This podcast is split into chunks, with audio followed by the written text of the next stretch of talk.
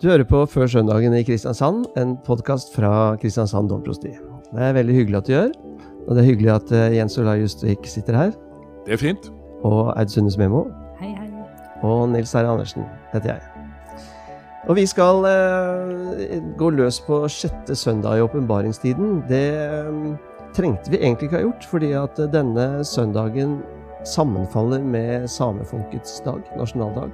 Og da har også kirkene egen søndag med egne tekster. Som mange kirker gjør. Dere skal vel ha det i domkirken? Mm. Ja. I domkirka skal vi ha tekstene for samefolkets dag. Ja. så det er helt andre tekster enn det vi skal snakke om i dag. Ja. Eh, vi, eh, hos oss så gjør vi selvfølgelig eh, noe ut av den nasjonaldagen også, så vi eh, det, møter de i forbønn og litt ellers, men vi holder oss til tekstene for kirkeårets dag, da. Mm. Også Det samme gjør vi òg. Ja, nei, vi gjør det samme, vi òg. Sånn som dere, Nils. Ja. Mm. Uh, og det er litt av en uh, tekst, men før vi går løs på den Det er, det er mye som skjer nå i kirken i helga. Vi skal ha en måned med sånn drop-in-dåp, eller åpen dåpsdag, i de aller fleste kirkene. Mm. Det er veldig bra. Og nå på lørdag så er det fire av menighetene som skal ha åpen dåpsdag. Og så er det 5. mars også. Og tid skal dere ha her i Vågsbygd? Vi skal ha nå på lørdag. Ja. For vi skal i mars. Ja. Det, det er noen som øh, øh, reagerer litt på at de syns det blir liksom for enkelt, eller uh, tenker at det blir litt sånn uverdig. Uh, hva tenker dere om det? Altså, det er jo dro ordet drop-in som kanskje kan virke litt lettvint, men det de får er jo akkurat det samme som vi gir i en vanlig, i en vanlig gudstjeneste som er utenom menighetens uh, hovedgudstjeneste. Og de, og de har vi jo veldig mange av, ikke bare i koronatida, men bestandig så har vi jo tilbud om å også komme og døpes i egen gudstjeneste hvis det er en måte å komme folk i møte på. Mm. Så de kommer, og de får samtale med prest, og de får en gudstjeneste. Ja. Jeg syns det er egentlig utrolig flott. det, altså. Mm. For jeg, jeg har lyst til å analysere bitte grann hvordan folk egentlig har det. Mm. Og noen passer dette veldig bra for. Og som du var inne på, Aud, at det kanskje noen kvier seg for den store festen. Kanskje at det er ting i familien som er litt uh, krevende. Mm. Og da er det kanskje godt å gjøre det sånn. Og så tror jeg det kanskje er noen mennesker rundt forbi i det ganske land som kanskje har gått og tenkt tanken Tenk og fint å kunne fordøpe seg. Jeg gjorde ikke det som barn, eller jeg har ikke fått gjort det. Og da kunne komme i en litt mindre setting og kanskje gjøre det. Og dypest sett så er det en, et stort ønske og en drøm, kanskje. Mm. Så jeg syns det er flott at vi er som kirke der. Og så må vi ikke glemme vi har en trosopplæring. Visst har vi vel. Og det, som, som skal følge de fra 0 til 18 år. Mm. Og der ser jeg Kirken som et enormt uh, Hva skal du si? Der har vi et enormt apparat. Mm. Som vi skal, så vi stadig kommer i kontakt med disse barna som døpes. Så vi slipper det ikke. Nei. Det er ikke bare den dagen der. Så har jeg aldri heller opplevd Vi har hatt drop-in-dop i, i tre-fire år. Aldri møtt noen som gjorde dette på impuls. At de sier 'jeg gikk, var på vei til Vågsby senter, og så så jeg døra var oppe', så tenkte jeg 'hvorfor ikke døpe meg'? Så det er ikke sånn som skjer. Man har tenkt over det veldig lenge. Og det tenker jeg, når jeg har dåp eh, for voksne, Mm. som jeg, som av og til har, så, så er dette noe de har tenkt på lenge. Lenge, lenge. Noen har bestemt seg for i dag skal jeg ta kontakt, i dag skal jeg få ordna det, liksom. Det, det, det er noen skritt å ta Ja. når man har gått mange, mange år.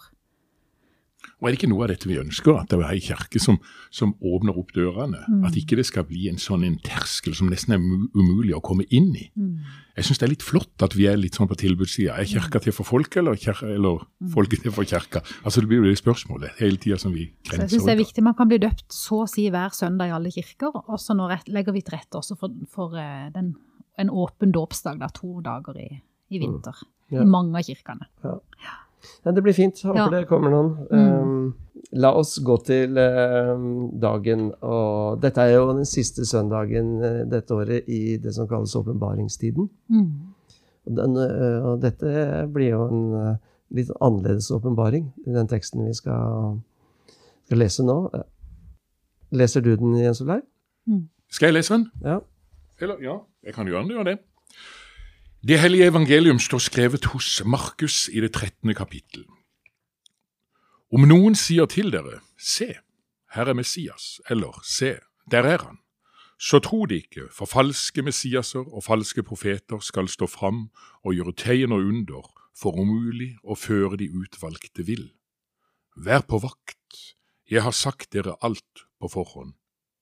Men i de dager, etter denne trengselstiden, skal solen bli formørket og månen miste sitt lys. Stjernene skal falle fra himmelen, og himmelrommets krefter skal rokkes. Da skal de se menneskesønnen komme i skyene med stor makt og herlighet. Han skal sende ut englene og samle sine utvalgte fra de fire verdenshjørner, jord, fra jordens ytterste grense til himmelens ytterste grense. Slik lyder det hellige evangelium. Ja. Det var svært. Det er svære greier. Det er det. Når er det han sier dette? Hva er settingen? Settingen er at Jesus har eh, kommet til Jerusalem. Han har ridd inn eh, Jerusalem på eselet, og, og han er mellom palmesøndag og skjærtorsdag. Og så tar han altså fire av disiplene med seg. Ikke alle, men fire.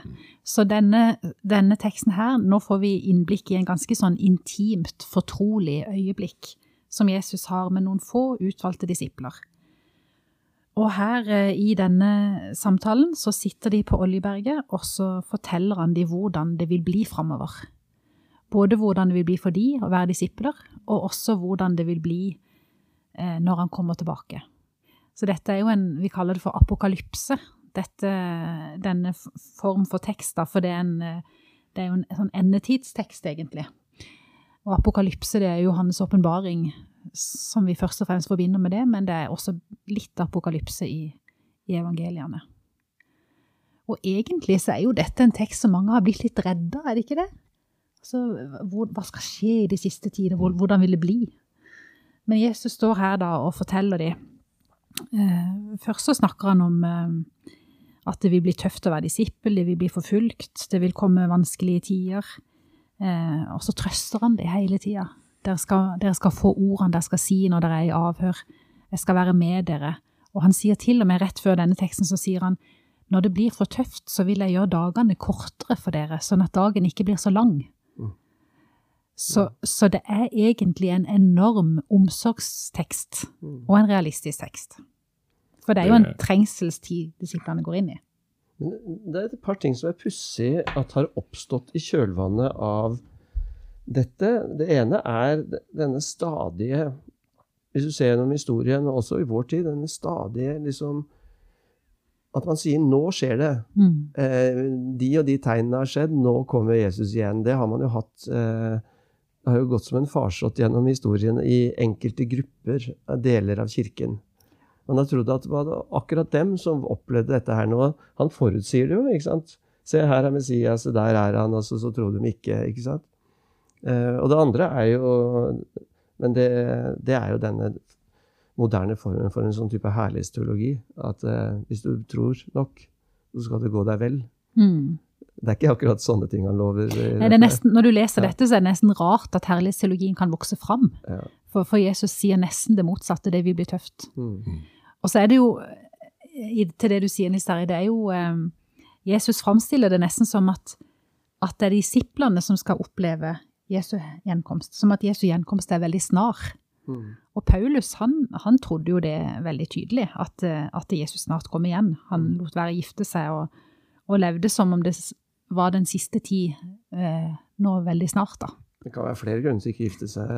Ed. Ja, men Paulus. Nå, nå nevnte jeg særlig Paulus. Vil du utdype det bitte grann, da, Nils? Men, men jeg sier tenker, for dette er jo en slags sånn tolagsprofeti, kan jeg tenke. Mm. Taler inn nå i samtid, mm. men også i en fremtid.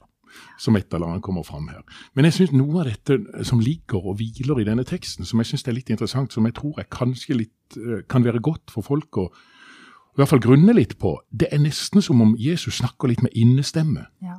når han nevner disse tingene. For han må jo være klar over at når han nevner disse tingene, kan, så kan dette skape angst. Det er ikke bare å snakke om at, uh, som vi synger i denne salm, sa, kjente sangen, himmel og jord skal brenne, høyder og berg forsvinne. Det er jo ikke noe sånn noe lystig scenario som dras opp her. Og, men derfor så syns jeg det er litt å kjenne litt på pulsen. Han tar med seg fire stykker opp, og de sitter der, og jeg har en fortrolig samtale med dem. Og Derfor så tror jeg når vi skal legge fram dette, så er det viktig at vi vekter våre ord. Mm. For denne, denne tematikken kan være vanskelig. Mm. For, ja, Ja, Det syns jeg er interessant eh, perspektiv, Jens Olai. For eh, dette at det bare, det bare er disse nærmeste vennene hans, de kjenner han jo.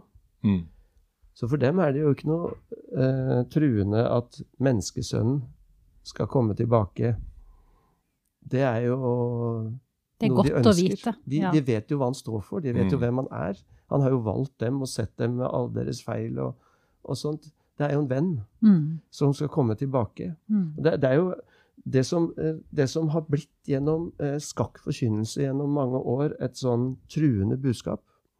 Det er jo så kjærlig, hvis du ser på, i det perspektivet ser på linjen der at han skal sende ut engler for å samle dere inn, og så um, Ja, de må ha hørt noe helt annet enn dette skumle, mørke Pass deg, han kommer snart igjen, liksom. Mm. Og Der tror jeg du er inne på noe, og der er jo Jesus en gedigen pedagog, tror jeg. For han hadde jo ikke lyst til å ødelegge disse vare sjelene når han sitter og prater om dette. Og Derfor så tror jeg han bruker en slags sånn måte å si dette på som, som skal egentlig heller bygge de opp som mennesker, istedenfor å rive de ned. Og så tenker jeg på, Når vi er inne i denne tematikken, for Jesus sier også noe og der tror jeg liksom Vi som kan den kristne kirke har faktisk gjort en brøler. Jesus sier englene vet ikke tiden. Jeg vet ikke tida, men det er kun far som vet det. Mm. Og det har jeg av og til tenkt på. Egentlig, det, det som vi er innom her nå, skal vi, skal vi være utrolig forsiktig med å fremføre. Fordi at dette er liksom gjemt i den skjulte Gud. Dette klarer vi ikke. Og for eksempel, Hvis vi skal gå litt inn på teksten, for jeg syns det er interessant Hvis vi sier Men for han ser det. Det skal bli trengselstider. Og det skal bli solformørkelse osv. Det er jo noe som vi kjenner til i dag. Jeg leste just et sted at de siste årene hadde vært ti solformørkelser. Mm. Så det, det er ikke noe sånn, det er ikke noe sånn prangende. Men hvis du går videre på dette og lar dette eskalere, og blåser opp disse scenarioene, så får du mennesker som kan bli livredde for dette. Men hvis vi trekker det ned til oss, og vi snakka litt om det før Vi er jo sårbare mennesker alle sammen når vi møter denne teksten. og det er, det er, Vi har fått livet, men vi vet at vi også skal levere det tilbake. Og da tenker jeg denne teksten blir i grunn litt fornuftig, føler jeg, når vi ser våre egne liv, hvor sårbart det er, og vi skal en dag legge ned vandringsstaven. Derfor så har denne teksten en sånn dypere forståelse av hva det er å leve, tenker jeg. Mm. For altså Det handler ikke bare om en endetid som skal komme én gang, men vi lever et liv som, som eh, når som helst egentlig kan få en ende. Ikke sant? Mm. Alt liv skal ta slutt. Mm. Alt skal få gå. Vi lever denne korte tida her på jorda. Og så sier Jesus 'vær på vakt og våk'. Det er jo det som egentlig er budskapet hans denne dagen. Vær på vakt og våk for alt som vil føre dere vill. Um, og, da, og da er det jo et spørsmål, altså hva er det å være på vakt og våke? Er det å drive og se om solen blir formørket, eller om månen mister sitt lys, eller er det å leite etter endetidstegn? Er det en god måte å leve på? Å være kritisk og skeptisk til alt mulig, se endetidstegn overalt. Det er jo ikke det. Og her kommer teksten fra ordspråkene og hjelper oss veldig, syns jeg. Kan jeg lese litt fra den, Nils Terje? Altså teksten fra ordspråkene som leses denne dagen, den handler om å leve eh, Å gå etter lyset. Eh, og den snakker om eh, den, har, den har i seg en sånn nydelig setning som mange av oss kan. Eh, bevar ditt hjerte framfor alt du bevarer, for livet går ut ifra det. Altså det, det er å være på vakt og våke, det er å bevare sitt hjerte. Bevare, altså leve, leve leve sånn som vi kjenner er godt for oss sjøl, for andre mennesker. Trø varsomt på jorda, for å si det sånn. Mm. For jorda og livet er, er gitt oss. Eh, og, det å leve også sånn som eh, menneskesønnen lærte oss å leve, da. sårbart, utlevert, i det godes tjeneste. Og det er der vi skal ha blikket vårt. Ja, men Det, det syns jeg er et uh, vikt, fint perspektiv. For jeg fikk lyst til å spørre i stad hvorfor, hvorfor skulle man bli skremt av dette? Mm. Ok, det, det, Man kan bli skremt av den beskrivelsen av verden, uh, men det, det, oppfatter jeg jo som, som, bilder. På en måte er disse tingene han sier, noe som alltid skjer. Mm. Ikke sant?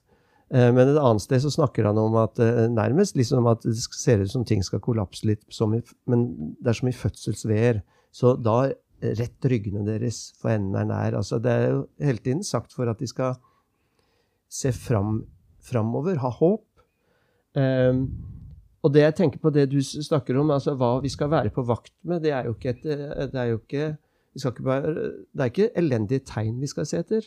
Vi skal se etter Jesus selv. Ja. Folk skal si 'se, der er han, og der er han'. og sånn. Nei, de kjenner han, så de skal se hvor han er. Mm. I dette i, i kjærligheten, i um, det guddommelige som skjer, i det gode som skjer. Der hvor barmhjertighet og kjærlighet er, der er Gud, som vi synger i, har sunget i 2000 år. Eh, det er det de skal se etter. Mm. Og det er et ganske annet blikk enn det der som saumfarer Dagsrevyen for å se etter spor av elendighet. Mm. Om nå han kommer. Mm. Vi skal se etter han selv, etter lyset. Og det er det, det, som skal ha vårt fokus. Ja, og det skaper ikke frykt. Nei. Det skaper en, det skaper en ganske annen hverdag. En, ganske, en håpefull hverdag. Fordi det, det, er faktisk mulig å se Jesus i vår tid. Ja. I andre mennesker. Det er faktisk mulig å høre Jesus i ordet hans, i budskap som løfter opp, setter fri. Mm. Um, skjønner du hva jeg mener? Jeg skjønner det så godt. Mm. Og, men jeg tenker på, i, men i bunnen av dette, det du egentlig snakker om her, å se Jesus i andre mennesker, se der kjærligheten blomstrer osv., så, videre, så er det en setning i ordsprunget som ikke du tok opp, uh, Aud, men jeg syns den er så var Min sønn, lytt når jeg sier. Det er samtale mellom far og sønn, mm. eller far og datter. Mm. Og da tenker jeg, som far sjøl, så ønsker man det aller beste for sine barn. Man kan i grunnen ikke ødsle nok ut på dette. Og dette er en sånn en gudgitt tanke som ligger i de tekstene, tenker jeg. Det er en far, en skaper, som har villet oss mennesker. Det er noe som er fra begynnelsen av. Og løfter opp mennesket og sier 'ta dere i vare, lytt til mine ord'. Og så da får vi, så kommer vi da inn i vår tekst, så møter vi Gud, den åpenbarte Gud gjennom Jesus Kristus, som viser oss noe av dette du trekker fram her, Nils, kjærligheten, lyset, som vi skal se, som vi ser rundt, som er en del av vår virkelighet, og som vi skal være mye flinkere til å se istedenfor å forbanne mørket, som vi har så veldig fort for å gjøre. Og Her ligger en mulighet i disse tekstene. Derfor har jeg grunn gleda meg til å tale over denne teksten til søndag. For jeg synes mm. Det er en sånn positiv kime i dette. Mm. Vi kan jo rive ned. Vi kan jo se mørket overalt. Jeg, jeg, tenker uh, på den situasjonen de er i mellom palmesøndag og skjærtorsdag. Eh, vi vet fra andre tekster at eh, angsten begynner å stige i både Jesus og i disiplene. Det er jo en, altså Mørket begynner å legge seg rundt dem på en måte. Og det er da jeg syns det er så fantastisk eh, hvordan Jesus i sin egen angst bruker så mye krefter på å trøste disiplene. At han, at han makter det, på en måte. Mm. Og, og, ikke bare være til stede i sin egen uro, men, men uh, være så til de grader til stede i disiplenes liv. Og det er, det er litt som eh, foreldre som skal være vekke fra barna sine, som sier 'jeg går, men jeg kommer igjen'. Vi vet hvor viktig det er for små barn å høre 'mamma kommer snart igjen'. Mm. Det er litt det han sier her. 'Mamma kommer snart igjen'. Mm. Uh, det er bare en liten stund. Mm. Så det er veldig sånn trøsterikt. Det det, og også, jeg må bare ja, si en ja. ting til som jeg syns er veldig sterkt også. For rett før vår tekst, mens de går oppover mot Oljeberget, så går de forbi tempelet. Og disiplene peker på det og sier 'se på det flotte tempelet, så stort for et byggverk'. Og så sier Jesus det skal rives ned. Det skal ikke være stein tilbake på stein. Mm. Og det skjer jo i år 70 etterpå. Men, men den frykten de får med at uh, tempelet skal rives ned. Altså det stedet hvor Gud faktisk er, skal rives ned. Og hvor skal Gud være? Men i dette som Jesus sier etterpå, 'jeg skal være hos dere alltid', så ligger jo også 'jeg skal være i ruinene'. Ikke vel? Tempelet skal rives ned, stedet hvor Guds eh, nærvær representeres veldig. Det skal rives ned, men det erstattes av at jeg skal være i ruinene, skal være overalt. Ikke vær redde. Mamma kommer snart igjen. Mm. Det er jo egentlig en, en, vakkert. en tekst som er så full av kjærlighet. Ja, for det der med mamma kommer eh, snart igjen, det er også en profeti. Og jeg syns det er så nydelig det i andre Peters brev. Hvordan, hvis du tenker, hvordan så de på disse profetiene da? Eh, ja, eh, hvis det er Peter som har skrevet Mm. dette, så, så, sier han at derfor altså Han snakker om å holde fast på profetordet, for eh, det er en lampe som lyser på et mørkt sted til dagen gryr og morgenstjernen stiger opp i deres hjerter. Ja. Sånn oppfatta de dette. Det er en lampe som lyser på et mørkt sted Mm. til dagen gryr, og så er det noe som stiger opp i hjertet. En soloppgang Mm. som stiger opp i hjertene våre eh, eh, når, når man bevarer disse, dette håpet da, Mm. i livet sitt. Så det er, det er det, er, det har skjedd mye eh, gjennom kirkens historie. Nå er jeg ikke helt enig. Jeg tror ikke alltid at vi, eller hele kirken, har Det er jo ofte ytterlighetene som får lov til å liksom farge Lage et perspektiv på sånne typer tekst som dette. For det har vært mye galskap når det gjelder endetidsforventning. Men eh, den endetidsforventningen i eh, Det nye testamentet og i kirken er jo en lys eh, forventning. Jeg tror det er veldig viktig å poengtere. Og ikke minst i dag, der vi har konspirasjonsteorier som er ute og går. Vi har Folk river ned sannhetsbegreper rundt forbi. Det, og derfor er det, det er nok å ta fatt i av de destruktive tingene som finnes i dette, i dette samfunnet vårt. Men det å løfte fram håpsdimensjonen, og dette som vi går i møte, eh, det er utrolig viktig. Og i det perspektivet så er det jo nesten litt godt at mange tidligere har tenkt at ja, vi lever i denne tiden. Fordi hvis det har fungert sånn at de har våga å rette ryggene, og på en måte hvis håpet har tent seg i dem Ikke at de, har, ikke at de forbanner mørket, men at de Åssen er det? De tenner et lys i Kina under forfølgelsene Mm. der. De tente et lys under de forferdelige forfølgelsene på 200-tallet. Mm. Begynnelsen av 300-tallet. De har tent et lys i Sovjet, de har tent et lys i motgangstid. Fordi de venter på at den gode herskeren en gang skal komme. Menneskesønnen. Han som de kjenner. Det er noe, det er noe, det er noe veldig sånn potent og godt over. Ja, det er helt enig. Det er en veldig god måte å være på vakt og våke. Så kanskje er det pedagogikken at det kommer sånne helt sånne generelle tegn som følger livet Ja. som det er. Og eh, at man alltid tenker at det, ja, at det er nært, dette håpet. Mm. Absolutt. Mm. Mm. Og da er det viktig å tenke på Luther, som fikk vel et spørsmål en gang hva han hadde gjort hvis han visste Jesus kom igjen i morgen. Var det ikke sånn? Jo. Da ville han ha plantet et tre Ja. i dag. Mm. Men det er en livskunst, det, å kunne leve sånn i denne verden vi er. Jeg bare tenker på Vi blir bombardert av ja, Dagsrevy. eh, alle påvirkninger som vi får. Det å kunne sortere i dette landskapet, da. Mm. Og her tror jeg veldig, veldig mange mennesker egentlig, og meg sjøl i det, en kan jo bli helt fortvila eller eh, temmelig deppa når en ser utover. Men så da har vi da det budskapet som sprenger alle grenser. og Derfor syns jeg det er flott at de har tatt med åpenbaringsteksten. For den er jo egentlig skrevet inn Det er vel egentlig Romerriket det dreier seg om. Peker inn mot forfølgelse og alt mulig sånn, noe, men den åpner også en himmel i fremtida mot oss. Et lys, et håp. Og jeg syns egentlig bare avslutninga her er, så nydelig.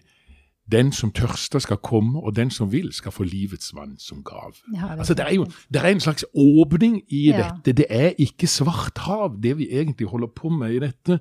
Og Derfor så føler jeg disse tekstene som, som vi kanskje blir litt forsiktige med å snakke om, uh, de har en åpning når vi begynner å snakke om de tingene. Og da begynner jeg å bli litt sånn, nesten litt sånn glad i disse her Mm. såkalte eh, ja, schatologiske tekstene som har, har et endetidsperspektiv i seg. Mm. Men, men det som var interessant, vi hadde jo gjennomgang i går med prestene. Når vi diskuterte denne teksten, så pleier egentlig ikke ordet altså Alle vil ha ordet. Mm. Men det ble litt sånn stille innimellom når vi, når vi skulle snakke om dette. Så jeg tror at vi blir litt svar skyldig også når vi møter disse tekstene. Og det har jeg lyst til å si når vi driver med denne podden, at det er ikke lett alltid dette. Å skulle sortere og orientere seg i dette landskapet? Det er jo så svære ord, vet du. Dette med endetid, eh, solformørkelse, månen mister sitt lys, stjernene skal falle fra himmelen. Og sånn som du sa i stad, himmel og jord skal brenne. Vi har vel alle hatt en Høyder og berg forsvinner. Vi har alle hatt en CD med, eller kassett med Kurt og Roland som sang det, og, og, og syntes at det hørte litt skummelt ut. ikke vel? Det er derfor, det er derfor vi er voldsomt og veldig sånn fra verden farvel. Men, men det er jo, det er jo eh, det, er litt derfor òg vi blir så, så stille, for det, det, er så veldig stort. Mm. Ja, og, Og vi forstår det ikke, og det er da det er så viktig. Vi skal jo ikke lage teologi av disse endetidstegnene. Vi skal, vi skal ikke sette det på et skjema, men vi skal, ta, vi skal se hva som er intensjonen bak. Vær på vakt og våk. Eh, lev et jordvendt liv i lyset fra morgenstjernen, da. Ja, og um, vi må jo lese hele Jesu liv inn i dette. Og Mm. det er, stort sett så bruker han bare sånne jordbruksbilder om at ting skal spire, Guds rike skal spire opp. Og Mm. du var inne på det i stad, av- av restene. At Mm. det skal Altså, det er jo en kjærlighet til For så høyt har Gud elsket verden, som er på en måte grunnlaget her. Og jeg tror nok at noen av de sangene 'Himmel og jord skal brenne' og sånt, er preget av et et annet syn på verden. Eh, Et sånn dualistisk syn at den er, den er ond og det skal bort og sånt. Men her er det en med kjærlighet. Det er skaperen av verden som, som snakker. Og som, eh, som elsker verden og det skapte. Og, eh, og skal, skal frelse det, gjenvinne det på nytt. Da. Så tror jeg kanskje grunnen til at vi blir litt stille, det, det er jo litt sånn I vår tid så syns vi det er lettest å snakke om det som er allmenne humanistiske verdier. Og det er et par-tre ting i evangeliet som, som blir liksom eh, så annerledes og så rart at det er liksom Det er at Jesus skal komme igjen. Mm. Det, da føler du deg plutselig religiøs. Eh, at Jesus sto opp fra det døde. Mm. Eh, det å snakke det å, At Kirken holder fast på faktisk troen på at, at det har skjedd, og det skal skje, Mm. det er jo Det gjør oss jo litt stille. De, ti, de tingene som går utover vår forstand og vår ja. Nettopp. Og samtidig så tenker jeg jo eh, Jeg kommer jo alltid tilbake til Martin Luther King, altså, men alle de som har hatt et helt sånn Som har tenkt bokstavelig Som har trodd det, at Jesus skal komme igjen.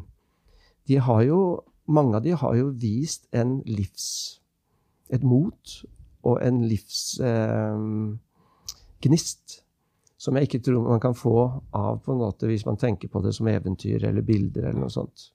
Han så for seg det at eh, de svarte kommer til å vinne Mm. eh, sine rettigheter nettopp fordi han har sett Hans øyne har fått se kongens komme i herlighet.